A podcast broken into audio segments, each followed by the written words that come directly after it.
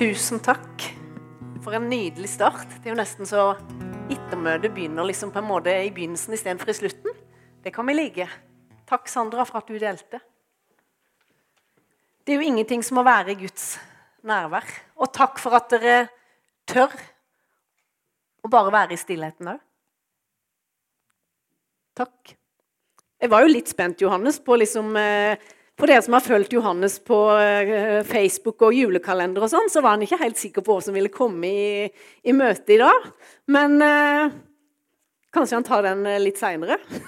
en av dem. Det er veldig gildt. Veldig bra, Johannes. For dere som ikke ser på han på Facebook, så har han enormt mange variasjoner av julesanger der. Så det, det kan anbefales. Ove han snakka om eh, julestjerna og, uh, og vismennene som fulgte etter eh, stjerna. Jeg hørte om noen unger de skulle fortelle om juleevangeliet. og de, de, var ikke vismenn. De sa det at det var julestjerner som lyste for de tre vimsete mennene. så det var en annen versjon. Og når de kom fram til Jesusbarnet, så ga de han røyk og myrra. så det er mange litt ulike versjoner av juleevangeliet. Men Ove syns du la det fint, veldig fint fram. Det må jeg si. Eh, jeg har vært i juleevangeliet den siste måneden. Og jeg er jo av de personene som liker det med høytider. Jeg liker, eh, jeg liker veldig godt høytidene. Og, og det, det, må jo snart slutte å overraske meg. Men jeg blir så eh, fascinert av, av Gud, for gang på gang liksom, så kan en jo tenke at ja, men dette har jeg jo lest tusen ganger før. Jeg har jo hørt historien om Jesus som ble født. Jeg har jo hørt det så mange ganger. Men det som er fantastisk med Gud, han har alltid noe nytt på lager. Han har alltid noe nytt for oss. Så jeg kan velge å sitte og bare tenke at jeg bare skumrer igjennom det, for jeg har hørt det tusen ganger før. Eller kan Helligånd, kom og lær meg noe nytt. Vis meg noe nytt. Og vil du, og vil du gi meg i dag?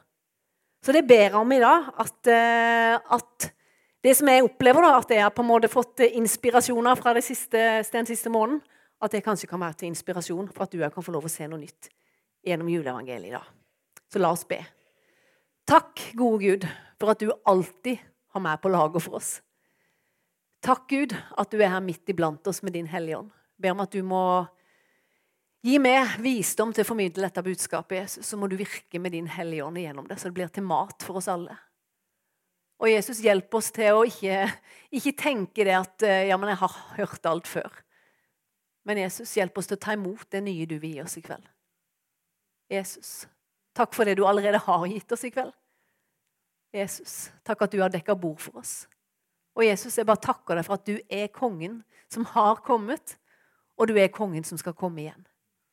Og jeg bare priser deg for det, Jesus. Du er kongenes konge. Kom og vær konge midt iblant oss i kveld, Jesus. Amen. Det OK, er du klar? Ja, det er godt. Jeg ser ikke dere helt bak, men jeg kommer til å ta med brillene av og til, så jeg kan skimte dere litt. i hvert fall. Men det som jeg eh, har satt som overskrift i dag, det er rett og slett 'Kongen som kom', og 'Kongen som kommer'. Det er overskriften i dag. Og jeg vet ikke åssen det er med du eh, og blomster. Men hjemme i vårt hus så er det sånn at noen blomster de klarer jeg liksom å stelle med, og de lever sånn tålelig greit. Men de orkideene de sliter jeg fryktelig med, altså. Det er noe sjau. De sier at det skal være enkelt og lett, og de skal mest trenge vann. Og jeg har hørt veldig mange du, ja, Takk, Anita! Du sitter og nikker. Det er godt. For det er noe sjau med de orkideene. Og jeg husker det, jeg sa det til pappa når, eh, når mamma døde. Så sa jeg men pappa, husk det at det fins jo mye fint i plast. jeg tenkte liksom at stakkar, nå skal jeg liksom tenke at du trenger ikke sjau, for mamma hadde jo blomster i alle vinduer, og det var liksom overalt. Det fins mye fint i plast.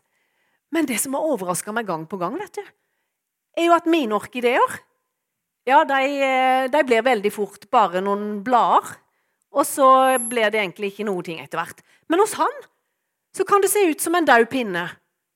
Men så kommer jeg tilbake etter litt, så kommer det, kommer det nye skodd. Og etter hvert så ser jeg at det er full blomst på det her orkideen som han har. Altså bilde to. Du skal få lov å se. Du kan gitte og hvilke som, som er mine orkideer, og hvilke som er pappas. Ja, Det er litt forskjell. Der her nå, der pleier jeg å holde meg. Helt seriøst, jeg har prøvd å få dem om igjen. Men det blir bare noen visne blader. Men pappa han er helt rå. Den der i midten, det er liksom tre eller fjerde gangen den kommer igjen. Han er helt rå på det med blomster.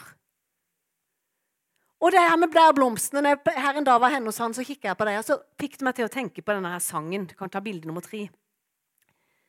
Det hev ei rose sprungen ut av ei rot så grann, som fedrene hev sunget av Isais rot horan, og var ein blomme blid, midt i den kalde vinter, ved mørke midnattstid. Jula, den kommer som et lys midt i en mørk tid. Og denne salmen det er jo ei julesalme som peker da framover mot Jesus. Og Vi kan lese i profeten Jesaja i kapittel 11 så står det det en kvist skal skyte opp fra Isais stubb. En spire fra hans røtter skal bære frukt. Altså Når Gud sier noe, så kan vi stole på at det han sier, det kommer til å skje. Det er sant. Han beviser det gjennom sitt ord. Profeten Jesaja han levde 700, noe sånt, 700 år før Jesus ble født. Altså, Gud er trofast. Han holder det han lover. Han sa det til Jesaja at det skulle skje. Isaiah var jo far til David. Det vil si at Jesaja forutsa at ut ifra Davids slekt så skulle det komme en frelser, en redningsmann. Bilde fire. En kvist skal skyte opp fra Isais stubbe, og et skudd skal spire fram fra hans røtter. Herrens ånd skal hvile over ham, en ånd med visdom og forstand, en ånd med råd og styrke, en ånd som gir kunnskap og frykt for Herren. Og en kvist, altså et lite, eh, et lite skudd, det kan jo i starten se ganske så ubetydelig ut. Det er noen små greier. Eh, men så begynner det å vokse, da. Orkideen som jeg nevnte i starten, den kan se temmelig livløs ut. Temmelig dødt ut. Men det potensialet som ligger lagra der, så vokser det fram. Og Her profeterte Jesaja ikke bare om en rettferdig konge, men om den rettferdige kongen.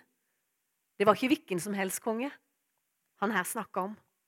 Og så tenkte jeg på det at det var jo ikke akkurat som en kjempe eller en mektig konge Eh, Jesus kom til jorda. Det var jo som et lite skodd, holdt jeg på å si.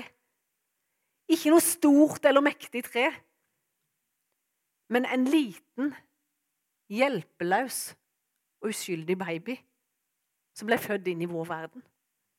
Ikke som Ove sa, ikke på noe slott, men i stillhet så ble han født i stallen i Betlehem. Så ble han svøpt, og så ble han lagt i ei krybbe. Så jeg tenkt på, Hvor mye forsto egentlig Maria alt dette? Dere har hørt sangen 'Maria, visste du at gutten din en dag ville gå på vannet?' Maria, visste du at din sønn, gutten din, vil redde og frelse mange sønner og døtre? Maria, vet du egentlig det at når du kysser denne lille babyen din, så kysser du ansiktet til Gud? Han som en dag skal styre over alle nasjoner. Bilde fem i Jeremia 23 så kan vi lese Se dager skal komme, sier Herren, da jeg reiser opp en rettferdig spire for David. Kongen skal regjere med visdom og gjøre det som er rett og rettferdig i landet. I hans dager skal Juda bli frelst, og Israel skal bo trygt. Og dette er navnet han skal få. Herren vår rettferdighet. Jeremia 33, 15, I de dager på den tiden skal gjelde rettferdigheten spire spire fram fra David. Han skal gjøre rett og rettferdighet i landet. Altså Synonym til spire det kan være et begynnelsessted, startskudd, altså noe som skal skyte i været.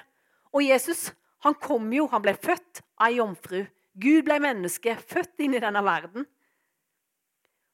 Og det var litt profetert lenge, lenge, lenge, lenge før det skulle skje. Men det ble akkurat sånn som Gud hadde sagt. Gud skulle, skulle gi folket et tegn. En jomfru skulle føde en sønn, og hun skulle gi ham navnet Immanuel. Det betyr Gud med oss. For et fantastisk navn. Gud med oss. Og nå, Vi har jo hørt historien, som jeg sa, mange, mange ganger. Og det er lett for oss 2000 år etterpå å si ja, men det ble jo sånn. Det ble jo sånn. Vi tenker ikke over det. Det ble jo akkurat sånn som det var sagt. Det kommer ikke som noen overraskelse på oss. Men la oss prøve å sette oss litt inn i åssen det må ha vært for de som hørte dette her. De som levde på den tida. De som hadde det mørkt rundt seg. De som gikk og venta på at det skulle skje dette som var blitt talt. Mye av Gammeltestamentet består jo av løfter og profetier om en Messias som skulle komme. Åssen var det å gå og vente på at dette her skulle skje? Løftene som var blitt gitt. Var de skråsikre hele tida? Selv om de ikke så noe tegn på at redningsmannen var på vei? Ja, selvfølgelig kommer det til å skje. Ikke tvil om det. Jeg tror jo på det, det er jo helt sant. Nei, ikke tvil et sekund. Det kommer til å skje. Var det sånn de tenkte? Eller kanskje gikk de og spekulerte litt og lurte på? Prøvde å finne tegn på at nå kommer det snart en redningsmann? Prøvde å regne seg fram til når det skulle skje, eller kanskje de konspirerte litt og så på gravide damer? Ja, der tror jeg det er en! Der tror jeg det er! Nå tror jeg han kommer! Jeg lurer på åssen de gikk og tenkte. Ventetida var sikkert ikke bare lett. Og ventetid er absolutt ikke bare lett nå heller. Som Ove sa, så var jo mismennene de lette først etter kongen i den staselige byen Jerusalem. Ingen forventa jo at en konge skulle bli født i en stall, liksom. Blant rautende kuer og brekende sauer. Det var liksom ikke der en trodde at kongen skulle komme. Men det er jo litt kult. I Guds rike så er det opp ned. Det er et annerledes rike. Det er ikke det ytre som teller. Gud han løfter opp og velger ut de lave og de små. Det ser vi gang på gang gjennom Bibelen. Og advent det betyr jo komme eller ankomst. Og de var inne i ei ventetid. Hadde vi snakka med en person på den tida, så tror jeg kanskje de kunne ha sagt litt om ventetid. Ja, nå har det vært snakk om denne rettferdigheten som skal spire fram i mange hundre år. Ja, Oldefaren min snakka om det, og bestefaren min har sagt det, og nå begynner jeg å bli lei av denne ventinga. Skal det snart skje? Nei, jeg vet ikke om det kommer til å skje. Jeg begynner å tvile. Jeg vet ikke hvor god du er på å vente. Altså, Det er lett mange ganger å vente når, eh, når jeg vet jeg har noe godt i vente, og jeg vet at det kommer snart. Men når en ikke helt vet hvordan alt skal bli, eller hvordan alt ser ut, og det er mer uvisshet rundt, da kan det være utfordrende å vente mange ganger. Jeg er sikker på at du har kjent på ventetid i ditt liv, der du ikke har alle svarene. Du vet ikke alt. Du lurer på hvordan kommer egentlig alt til å bli. Så vet vi at Jesus han var svaret på ventetida, på løftene som var blitt sagt. Han som skulle gjenopprette dette fellesskapet med Skaperen han som skulle være lys for alle folkeslaga. Han som skulle ha makt over synd, sykdom og død. Han som skulle skape en fred uten ende, står det. Og han som fortsetter og vil komme daglig til hver den som vil ha noe med han å gjøre. Daglig vil han komme til oss. Kanskje opplever du at dine omstendigheter at det kan oppleves og føles mørkt, dødt at er bare som det står en stubbe igjen. Men profetien gjennom Jesaja den peker fram mot at det er kraft i julebudskapet for den som vil ta imot. Det er kraft, akkurat som Sandra sa, hvis vi vil strekke fram våre hender og ha tro og tillit til at Gud er den han sier han er, så er det kraft i julas budskap. Han står bak sitt ord. Og med Jesusbarnet så kom fortellingen som gjør død til liv og som får oss til å skjønne at kjærligheten den er sterkere enn døden. Fortellingen om en Gud som har kommet nær, og som vil komme nær hver eneste dag, og som tilbyr tilgivelse og et liv sammen med Han. Han har kommet nær til oss. Og advent betyr jo komme eller ankomst. Og det er, det er fort sånn at vi kan tenke på at ja, det er jo julaften. Vi venter på Olgeir, gidder du hente noe vann til meg? Plutselig. Mm. Du vil Vigil, tusen takk. Kjekk han mannen der. Jeg kommer bare ja, Det svir så. Ellers takker han ikke. Det vanligste er jo at vi tenker på julaften, at vi tenker på at Jesus skulle bli født. Men så tenker jeg på det at ja, Jesus har jo kommet. Men samtidig så er vi på en måte inne i ei adventstid ennå. En ventetid som ikke der vi venter på at Jesus skal komme som barnet i krybba. Men vi venter jo på at hans rike skal komme fullt ut. Og det å på en måte leve og stå i de to sporene som handler om at ja, Jesus er allerede kommet. Gud har kommet nær til oss mennesker. Vi lever dette livet i troen på at han som ble født i Betlehem for over 2000 år siden, han er Guds sønn. Det lever vi i troen på. Redningsmannen som tok bolig midt iblant oss. Men han skal òg en dag komme igjen. Takk. Han skal òg en dag komme igjen. Og da skal vi få se Guds rike fullt ut. Altså, i dag så er vi i en ventetid. Han har kommet. Vi kan feire hans komme. Vi kan feire det hver eneste dag, faktisk, for han har kommet. Samtidig så skal han en dag komme fullt tilbake. Og Jeg snakka om ventetid i stad. Og det er en stor forskjell på det å vente med eller uten håp. Det er to helt forskjellige ting. For ventetid den kan romme både en usikkerhet der vi ikke vet helt hvordan alt ser ut, men òg forventning og tillit og tro på hvem Gud ønsker å være i vår ventetid. Og Det første som jeg synes er interessant, som vi leser om, både Josef og Maria og gjeterne, de første ordene de fikk høre når de hørte om julas budskap. Og hva det for noe? Frykt ikke. Frykt ikke. Det var de første ordene. Og det forteller meg noe at det bør jo være ganske viktig. De kommer med et gledens budskap, men de begynner med 'frykt ikke'. Da må jo det gjelde oss òg. Budskapet, adventstida, ventetida vi står i, den skal ikke være prega av frykt. Frykt ikke, var jo budskapet fra englene. Kanskje er det fordi at vi mennesker veldig ofte gjør det. Vi frykter det som er ukjent, vi frykter det som er annerledes, vi frykter det vi ikke har kontroll over. Og så bekymrer vi oss, og så blir ting mørkt for mye mennesker. Men jeg tror juleevangeliet minner oss om noe viktig. Ikke vær redd. Ikke vær redd. Jeg er kommet nær. Jeg vil komme deg nær hver eneste dag. Det finnes en kjærlighet som har kommet til oss. Johannes forteller til og med om at det finnes en kjærlighet som er så fullkommen at den vil drive frykten ut. Og det kom et tegn til jorda, et kjærlighetstegn. Det kom en bro fra himmelen til jorda. Et håp, en kraft, en løsning. Og Jesus han vet åssen det er å vente. Han vet åssen det er å håpe, og han vet åssen det er å tro. Og han vet åssen det er å være menneske. Han kjempa seg gjennom alle kamper, og så vant han til slutt over alt det du og vi kjemper med, og det som vi kommer til å kjempe med. Han har allerede vunnet seieren for oss.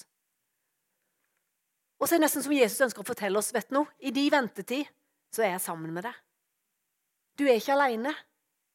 Du er ikke aleine. Og samtidig som vi er i det venterommet, så kan vi få lov å vente med håp. Vi kan vente på at en dag så skal vi få lov å erfare og se Guds rike fullt ut midt iblant oss. Når Jesus for andre gang skal komme. Og er håp for noe, da? Definisjonen definisjon på håp dere, det er en positiv og optimistisk forventning om at noe ønska skal skje. Det er definisjonen på håp. Ikke så veldig negativt, det er det? Nei. Håp det er en følelse av forventning og ønske om at en bestemt ting skal skje. En følelse av tillit. Og det er jo ikke hvem som helst vi setter vårt håp til. Vi setter ikke vårt håp til oss sjøl. Og det hadde ikke vært rare håpe. Men vi setter jo vårt håp til Han. Det er den store forskjellen. Forskning viser jo til meg at mennesker som håper, de har det bedre enn de som ikke håper. Så til og med forskningen underbygger det som Guds ord sier. At vi kan vente med håp, og at det er godt for oss mennesker. Og det er jo som at Jesus gjennom Bibelen oppfordrer oss til å ha en aktiv ventetid. I både ord og gjerninger. Det er jo sånn at fortida sikrer framtida vår. Det er jo fantastisk. Fortida sikrer framtida. Kongen som kom, kom og kongen som har seira, skal vi en dag fullt ut seire i sammen med. Det er litt av et håp. Det er litt av et håp. Profeten Jesaja hadde 700 år før Jesus sett noe. Se, jeg skaper en ny himmel og en ny jord. Ingen skal minnes de første ting. Ingen skal tenke på deg. Og da Peter skrev brev, så sa han etter hans løfte venter vi på en ny himmel og en ny jord hvor rettferdighet bor. Himmel og jord som hadde vært atskilt etter Edens hage. Menneskene, altså vi, vendte jo Gud ryggen. Men nå er Guds rike kommet nær med Jesus. Guds rike er kommet nær med Jesus, dere. Og Jesus viste Johannes åssen det hele skulle ende. Det kan vi lese i åpenbaringsboka. Han viste hvorfor det alltid er håp, selv om det ser mørkt ut. Alltid er det håp. Håp. Johannes skrev ned det Jesus sa. Og jeg så en ny himmel og en ny jord. For den første himmel og den første jord var borte, og havet fantes ikke mer. Og jeg så den hellige byen, det nye Jerusalem, stige ned fra himmelen, fra Gud, gjort i stand og pynta som en brud for sin brudgom. Det kan virke som Guds rike det kommer her, og det skal ikke lenger være atskilt. Gamle, eh, I Gammeltestamentet så altså profetene drømte om den dagen da skaperverket skulle bli nytt. Og Det kan virke som at det er mye av dette vi kan lese om i Johannes' åpenbaring. At den fullkomne verden, det er ikke bare en drøm, men den kommer virkelig til å finne sted. Tenk på det. Johannes forteller videre. Jeg hørte fra tronen en høy røst som sa, Se, Guds bolig er hos menneskene. Se det for deg. Han skal bo hos deg, og de skal være hans folk. Og Gud sjøl, hør på dette, da. Gud sjøl skal være hos deg. Han skal være deres Gud. Grunn litt på den. Gud sjøl skal være hos deg. Det kan se håpløst ut, men en dag så skal vi få det. Og vi skal få se det fullt ut. Alt som er ødelagt, skal bli helt igjen. Jesus skal komme igjen for å bringe en ny himmel og en ny, jord. Vi skal ikke lenger være atskilt. Og da skal det bli sånn som det står. Han skal tørke vekk hver tåre fra deres øyne. Og døden, den skal ikke være mer. Heller ikke sorg, ikke skrik eller smerte. Det er et håp, for midt i denne verden så opplever vi jo alle de tinga. Der er sorg, der er smerte, der er skrik, der er mye vondt. Men en dag så sier Guds ord at da skal det bli slutt på alt dette. Hva sier Bibelen om håp, da? Paulus sier det. Jesus Kristus i dere, håpet om herlighet. Jesus er vårt håp. Han er vårt håp. Og noen ganger kan det være vanskelig å se det. Når verdens bekymringer truer. Altså, den kveler oss av og til, bekymringer. Alle som er har levd noen år og kjent Der er jo bekymringer som kveler oss i forhold til unger, familie, jobb, økonomi. Altså, Det er så mange ting som vil kvele oss. Vi ser krig, forurensning, kriminalitet, hat, konflikter, ødelagte relasjoner. Vi blir såra. Altså, det skjer handlinger og etikk vi ikke er enig i. Mennesker som tenker annerledes om oss. Pengestøtte som forsvinner. Men dere, vi har et håp. Midt i alt dette er det så viktig at ikke vi ser oss blinde på det. Men vi har et håp. Bibelen er kjempetydelig. Der er et håp. Der er lys i mørket. Det er så viktig at vi løfter opp det i vår ventetid. Og i ventetida så tror jeg det er så viktig at vi fyller oss med de løftene som Gud har gitt oss. Det skjedde, det som han hadde sagt. Og det skal skje, det som han har lovt oss. Jeg ber om at vår Herre Jesu Kristi Gud vil gi deres hjerte opplyste øyne, så dere kan forstå hvilket håp han har kalt dere til. Hvor rik på herlighet hans arv er blant de hellige, står det i Efeserne. Vi er rike, dere. Ser vi det? Vi er rike midt i alt som er vondt og vanskelig. Så er vi rike. I Korinterne så står det den motgang vi møter, er lett og kortvarig sammenlignet med den fantastiske gleden og herligheten som venter oss i himmelen. Det stedet Gud har forberedt for oss. Derfor ønsker vi ikke bare å ha fokus på det synlige, men vi vil fokusere på det usynlige. For det synlige, det vil bli borte. Men de usynlige ting, de vil leve til evig tid. Det er så viktig om vi har vårt blikk henne. For det håpet, det gjør at vi ikke blir motløse. For det er det veldig fort å bli innimellom.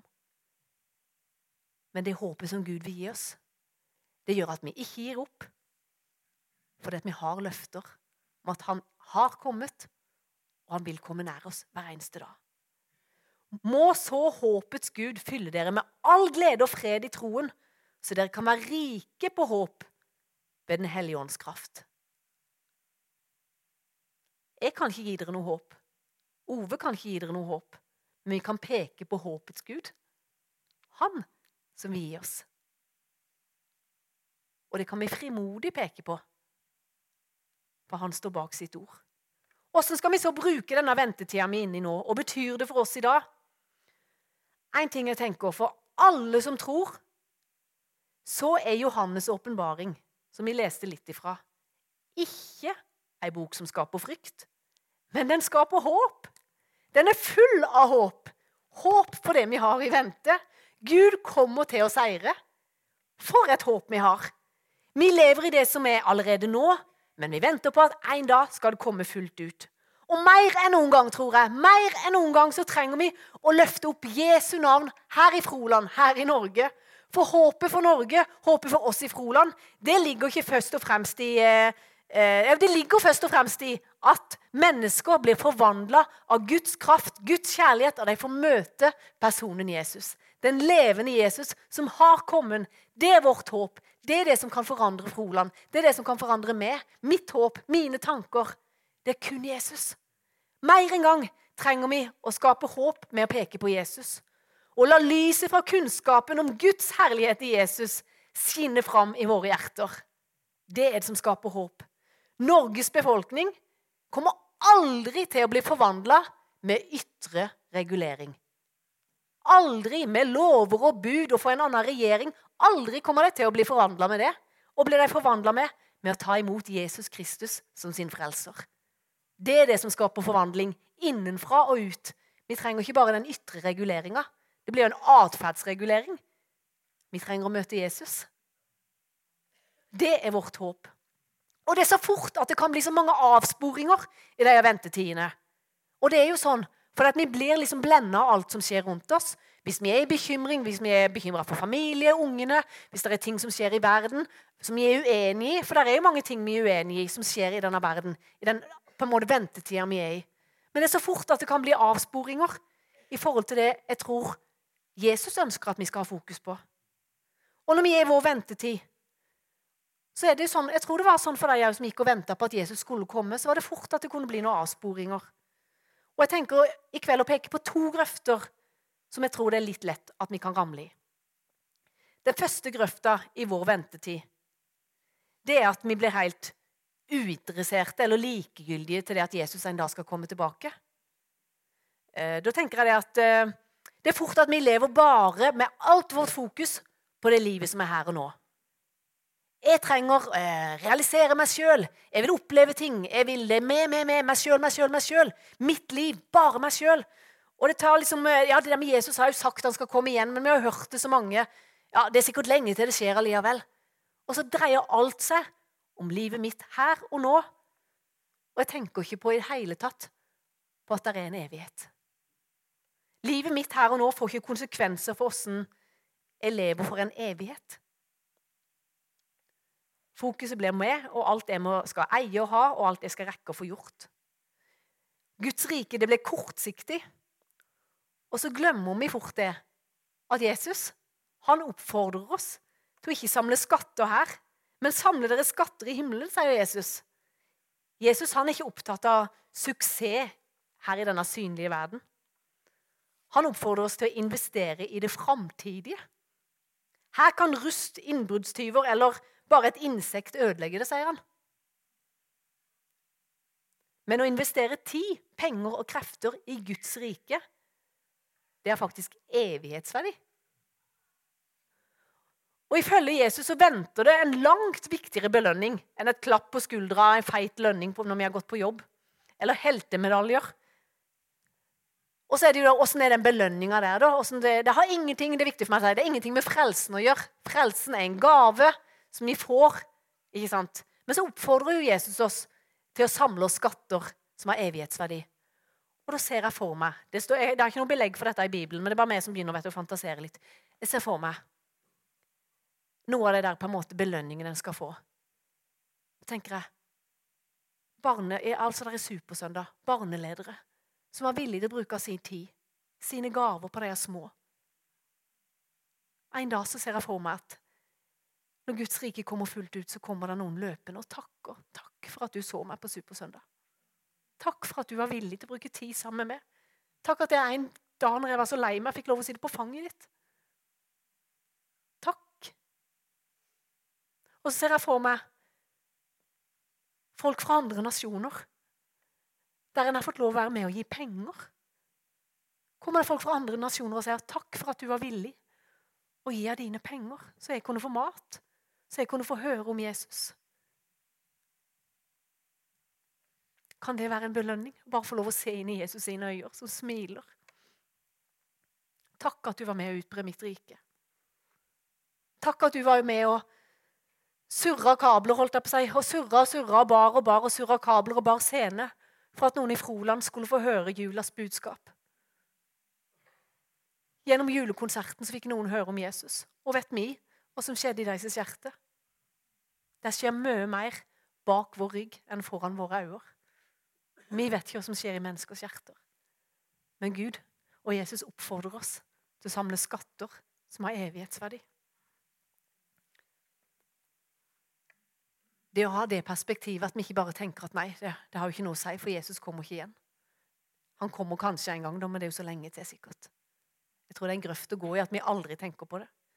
Og så har du den motsatte grøfta, da. Altså Den første var likegyldigheten til at Jesus kommer igjen. At vi på en måte ikke gidder å ofre en tanke på det. Og så har du den andre grøfta, da. Den vi òg tror, tror, vi kan falle i. Det er det at vi bruker all vår tid og alle våre krefter på å spekulere Se etter alle tegn, fille alle nyanser. Nesten som vi prøver å regne ut tid og sted for når Jesus skal komme igjen. Alle detaljene som vi prøver å få gå opp. Det kan bli fort bli veldig mørkt og skape mye redsel. Og så blir hele vårt fokus alt det forferdelige som skjer i denne verden. Det er jo så grusomt her. Alt er bare så forferdelig. Må bare komme meg vekk fra denne verden så fort som mulig. For alt er jo så mørkt. Det tror jeg kan være en annen grøft vi kan falle i. For faren er jo da at evangeliet, det som er gode nyheter, det er Guds gode nyheter. Altså fortellingen om Guds frelsesplan gjennom Jesus, det forsvinner nesten litt i bakgrunnen. For alt vårt fokus blir alle tegna som skjer. Og så glemmer vi nesten hele frelsesbudskapet. Jeg husker jo når jeg var ung. Da var det voldsomt med det her visakortet. vet du. Altså, Det var garantert noe med 666. Det var spekulasjoner rundt det. Og husker Første gang jeg skulle bruke visakort, jeg vet ikke hvor gammel jeg var, jeg tenkte, Nå ble jeg nesten slukt av denne maskinen. Jeg skulle putte det inn i denne minibanken, for det var jo så skummelt. For jeg hadde hørt at det der det var ah, Vær forsiktig med de visakortene. Altså, Så enormt mye spekulasjoner. Jeg ble bare full av frykt. Og ikke minst når år 2000 kom. Nesten, Vi holdt nesten pusten.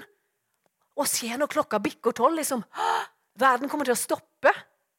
Hva skjer nå? Så husker vi var på, jeg tror vi var på Overland og feira nyttårsaften. Det var nesten så du holdt pusten. Å, kommer han igjen nå, eller hva skjer? Det må jo bli det som det Og så gikk det jo faktisk greit. Hæ? Ja, vi klarte den nyttårsaften òg. Men det er noe med at fokuset vårt kan bli så Hvis det bare blir fullt av frykt Altså, vi har med håpets Gud å gjøre. Håpets Gud har vi med å gjøre. Og Gjennom alle tider så har det jo blitt spekulert i mye ulik lære. Og Paulus han snakka jo faktisk med Timoteus og gjengen der om at Ei, nå må vi holde litt fokus her. Det er mye som prøver å få på en måte oss vekk fra alt det, men her er det som er litt viktig. Sånne ting som bygger opp om frykt og ikke om Guds store frelsesplan og redningsplan for menneskene. Der måtte liksom Paulus på en måte ta litt korrigering. Og jeg tror kanskje av og til, hvis vi bare er i den der eh, når Jesus skal komme tilbake i grøfta, så kan vi bli handlingslamma i forhold til forvalteransvaret som Bibelen peker på. Bibelen peker jo på at eh, altså Da kan vi bli sånn der ja, men Jesus kommer jo igjen, så det er ingenting her. Vi trenger jo ikke ta vare på naturen. La oss bare hive søppel og Vi trenger jo ikke drive diakoni eller barmhjertighet. Det eneste vi har møtekampanjer, så er det bare at mennesker skal bli frelst. Vi trenger jo ikke å hjelpe dem med noe, for det er jo bare menneskers frelse. Det tror jeg kanskje òg kan bli et, sånt et fokus som kan bli litt feil. Overfokus på dette har jo òg ført til frykt i menneskers liv. Mange mennesker har vært redde for vet ikke om jeg kommer med. Mennesker som har tatt imot Jesus, har vært redde. Barn som har vokst opp, vært redde for at jeg vet ikke om jeg kommer med når Jesus kommer tilbake. Istedenfor at det med troen på Jesus skulle være en trygghet vi får lov å hvile i. Tenk, jeg er Guds barn. Jeg er Guds barn. Jeg har fått lov å ta imot Jesus. Frelseren som kom, han er mitt håp. Jeg kan få lov å hvile i den vissheten om at jeg er Guds barn. Og en dag skal jeg få lov å være sammen med han i all evighet. Fantastiske nyheter. Begge de grøftene som jeg snakka om nå, de tror jeg kan gjøre at vi reduserer Jesus til å bare være en inngangsbillett til himmelen. Han blir bare en inngangsbillett til himmelen. Det tror ikke jeg Jesus mente når han hang på korset og ropte 'Det er fullbrakt'. Når han sto og forkynte at himmelens rike, Guds rike, er kommet nær. Jeg tror det var for han ønska at vi skulle leve i det derre. Han har allerede kommet. Vi skulle få oppleve og erfare at Guds rike det ble utbredt midt iblant oss. Vi skulle få lov å smake noe av himmel på jord mens vi er her. Vi skulle få lov å gi videre noe av det livet vi får lov å erfare med Jesus til andre mennesker. Så de òg skulle få lov å smake at her er håp, her er en frelser, her er håp i denne verden. Guds rike skal utbres, men en dag skal vi få se det fullt ut. Guds rike er kommet, og en dag skal vi få se det fullt ut. Men åssen kan jeg være himmelvendt, samtidig leve fullt ut her og nå? Går det an å være i det der sporet samtidig? Paulus han oppfordrer oss til å løfte blikket mot Jesus heller enn alt det som opptar oss her og nå. Er dere da reist opp med Kristus, så søk det som er der oppe, hvor Kristus sitter ved Guds høyre hånd. La sinnet være vendt mot det som er der oppe, ikke mot det som er på jorda. Samtidig så betyr det jo ikke at vi skal trekke oss unna denne verden og ikke bry oss om det som skjer her. Det er jo ikke det han mener. Men hva setter vi vårt håp hen når det er mørkt? Hvem søker vi når det er mørkt? Hvem er det vi på en måte bruker tid sammen med? Hvilke, hvilke løfter er det vi fòrer oss med? Er det vg.no, eller er det gudsord.no, holdt jeg på å si? Og er det vi fòrer oss med? Altså, vi skal ikke trekke oss unna verden. Tvert imot, tenker jeg. Vi har en oppgave som Jesu hender og føtter i verden til å være med og bringe Guds rike inn i denne verden. Det får vi lov å være med på, dere. Gjennom sin døde oppstandelse så planta Jesus Guds rike her på jorda. Og Den hellige ånd er her for å la det himmelske såkornet som Jesus sådde, det skal få lov å vokse. Det himmelske såkornet skal få lov å vokse midt iblant oss. Guds rike det skal utbre seg, og Den hellige ånd jobber igjennom du og meg. Helt vanlige mennesker. Sånn er det Guds rike vokste og sånn er det Guds rike skal fortsette å vokse. Jesus han brukte jo vennene sine, disiplene, helt vanlige mennesker. Og så begynte Guds rike å utbre seg. Og så får vi lov å være med på det alle de tusen åra etterpå. Og samme måte er det Guds rike skal fortsette å vokse helt til vi en dag skal se det fullt ut. Og så er Guds rike inni oss. Flere ganger så sammenligna Jesus Guds rike med en vekstprosess. Det begynner som et lite frø, og så vokser det og blir en plante.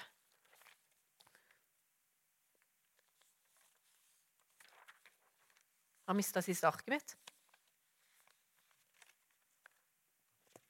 Ja, ja. Det går fint. Det begynner Jeg kan få siste bilde.